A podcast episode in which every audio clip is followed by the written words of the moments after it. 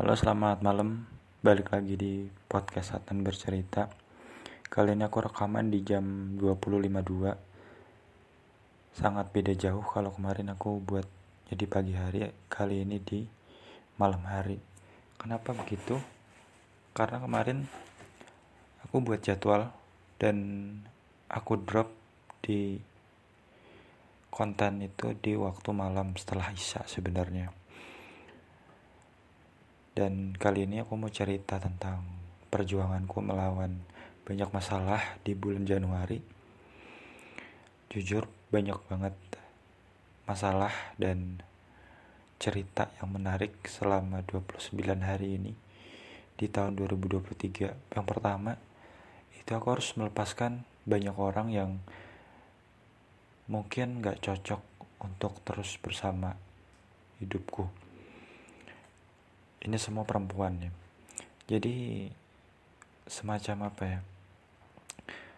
Aku itu mau jalan cepat kadang jalan lambat. Intinya langkahku ke depan tuh dinamis gitu loh. Maksudnya hidup itu kan nggak bisa ditebak ya kadang ke mana ke mana. Nah karena aku berjalan itu sesuai kata hati bahkan gak sesuai rencana aku takutnya perempuan-perempuan ini yang ikut aku itu kecapean mengikuti ritme berjalanku dan aku nggak bisa terus-terusan juga menyesuaikan orang lain gitu loh. Jadi aku pikir oke okay lah kita jalan sendiri-sendiri. Kita cukup kita sudahi perjalanan di sini. Kira-kira mungkin seminggu yang lalu ya aku mengakhiri semua itu. Jadi aku cuma bilang bahwa hargai kesempatan yang ada saat bersama orang lain karena kita nggak pernah tahu kapan kebersamaan itu akan hilang, akan pupus. Bisa jadi tiga bulan selesai, satu tahun selesai, nggak ada yang pernah tahu kapan bertemu dan kapan berpisah.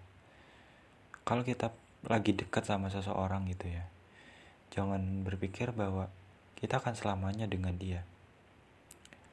Ingat bahwa suatu saat kita akan berpisah dengannya. Contoh kecilnya itu saat kita sekolah deh. Kita ketemu sahabat baik, teman-teman baik. Tapi bakal berpisah nggak? Pasti. Misalkan saat wisuda, SMP, SMA, berpisah gitu loh. Kalaupun ketemu, ketemu pun cuma sebentar karena emang udah punya urusan masing-masing kan. Kayak temanku SMA itu ya. Kita udah nggak pernah ketemu lagi karena emang beda fakultas, beda universitas, apalagi beda pulau. Kalau mau ketemu ya harus janjian. Waktunya sama, sama-sama lagi luang dan sama-sama kepengen ketemu di mana. Kalaupun ketemu palingnya cuma satu jam, dua jam gitu loh. Gak kayak waktu kita sekolah dulu. Setiap hari lah malah, malah. Apalagi kalau satu kelas. Wah itu setiap hari ketemu dia terus. Kerja kelompok ketemu dia terus tapi ketika udah lulus sekolah waktu ketemu itu terasa sangat berharga. Makanya aku nulis apa yang paling penting dalam hidupku itu bukan kesehatan uang harta atau apa pun tapi waktu. Karena waktu itu adalah diri kita sendiri diriku sendiri. Kalau aku nggak punya waktu mau aku sehat apa pun punya banyak uang atau punya banyak teman itu nggak ada gunanya kalau waktuku habis dan balik lagi bahwa setiap orang kan waktunya nggak pasti ya kapan dia bisa hidup. Dan apakah umur panjang kita nggak pernah tahu. Tapi kita cuma bisa berusaha sebaik mungkin sekeras mungkin tapi jangan lupa untuk memahami diri sendiri. Makanya tugasku dalam hidupku pribadi itu adalah memahami diriku. Aku nggak wajib untuk memahami orang lain. Kalau aku wajib belum memahami diri sendiri gimana cara memahami orang lain? Memahami diri sendiri ini cukup abstrak dan cukup luas sebenarnya. Karena nggak cuma potensi bakat tapi aku mau ke mana gitu loh.